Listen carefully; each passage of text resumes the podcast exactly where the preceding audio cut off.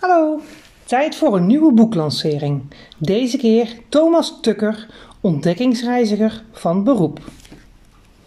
De jongen op het dak. Er stond een jongen op het dak van de school. Het slagschip, zoals mijn vader, de directrice van de school altijd noemde, stond boos gebarend te roepen dat hij er vanaf moest komen. Hi, zei de jongen, ik ben Thomas, Thomas Tucker. Als hij had gezegd ik kom van Mars, had ik het ook geloofd. We stamelden allemaal onze namen. Lenig klom Thomas Tucker naar beneden. Ik keek van boven naar beneden, zei hij, en ik zag dat het hier super saai is. Het slagschip was er ook bij komen staan.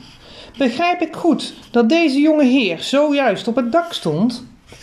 Jazeker, majesteit, zei Thomas Tucker en hij maakte een buiging. Mijn vrienden en ik keken elkaar met grote ogen aan, want we zagen dat de nek van het slagschip begon te zwellen. Dat was altijd een teken van vulkanische woedeuitbarsting. Thomas Tucker was alles wat en wie ik wilde zijn. Zijn zelfbewuste loopje, zijn grijnsvol zelfvertrouwen. Ik zag dat mijn vrienden aan zijn lippen hingen, alsof ze elk woord van hem wilden inademen om ook zo een stukje Thomas Tucker te worden. We wilden allemaal een vriend worden en hij koos mij. Thomas Tucker ging naast me in de klas zitten en legde zijn voeten op tafel. Naar de maan, één dag eerder, 16 juli 1969. 3, 2, 1, 0! De raket schoot de lucht in. Ik zat met mijn vader en moeder voor onze oude zwart-wit tv. Honderden miljoenen mensen over de hele wereld keken of luisterden mee. Thuis, in het café, in de supermarkt of op het tankstation. Iedereen wilde zien hoe de drie astronauten van Apollo 11-programma, Neil Armstrong, Buzz Aldrin en Michael Collins, naar de maan vlogen. En ik was erbij. Nou ja, via de televisie dan. Met een brok in mijn keel staarde ik naar de televisie. Helaas waren daarop alleen wazige beelden te zien. Ja hoor, onze tv stoorde weer eens op het allerslechtste moment. Mijn moeder liep met een antenne heen en weer heen en weer tot we weer beeld hadden. Nog een stukje, riepen mijn vader en ik. Ho, nee, je moet omhoog. Net als Apollo 11, dacht ik.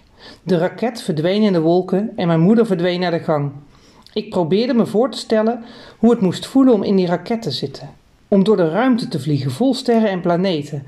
Naar een plek waar nooit eerder een mens was geweest.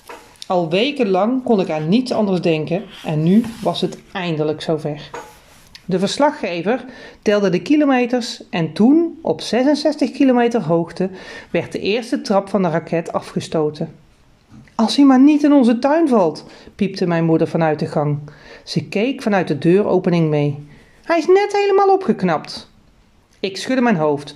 De trap komt in een oceaan terecht, zei ik. Dat had de verslaggever op tv gezegd. Op 179 kilometer hoogte volgde de tweede trap van de raket. Misschien valt hij op de lelijke nieuwe auto van de buurman, grapte mijn vader. Doe niet zo eng, zei mijn moeder. De buurman heeft wel een kleuren-tv, riep ik. Nou, dan ga je daar toch wonen, antwoordde mijn vader. Ik drukte mijn neus tegen het beeldscherm. De Apollo verliet de zwaartekracht van de aarde. Met 40.000 km per uur vloog hij nu naar de maan. Mijn moeder zette de antenne neer. Ze moest naar de wc. We kregen nu nog amper beeld. Snel, zet de radio aan, riep mijn vader. Ik draaide aan de knoppen, maar de buurman was zijn gras aan het maaien en dat geluid overstemde werkelijk alles, zelfs een raketmotor. Mijn vader wilde al boos naar buiten lopen, maar dat kon ik nog net voorkomen. Als die twee ruzie kregen, kreeg ik al helemaal niks meer mee van de lancering.